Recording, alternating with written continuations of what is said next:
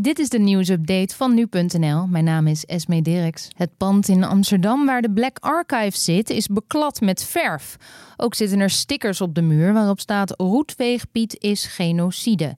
Dat vertelde Mitchell Essayas, een van de oprichters van het historische archief, tijdens een commissievergadering over discriminatie. Op het gebouw zijn afbeeldingen te zien van belangrijke zwarte mensen uit de geschiedenis en zij zijn vannacht overgeschilderd met witte verf.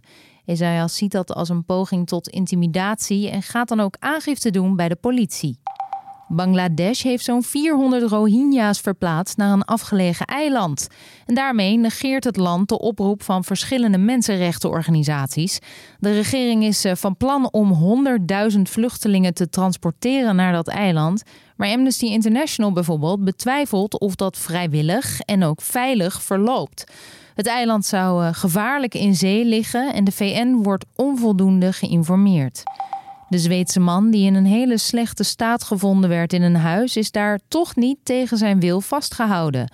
Dat concludeerde het OM daar na onderzoek. Zweedse media melden dat een vrouw haar zoon 28 jaar lang zou hebben opgesloten en mishandeld, maar daarvoor zijn geen aanwijzingen gevonden. De verwondingen van de man waren volgens OM te wijten aan zijn slechte gezondheid.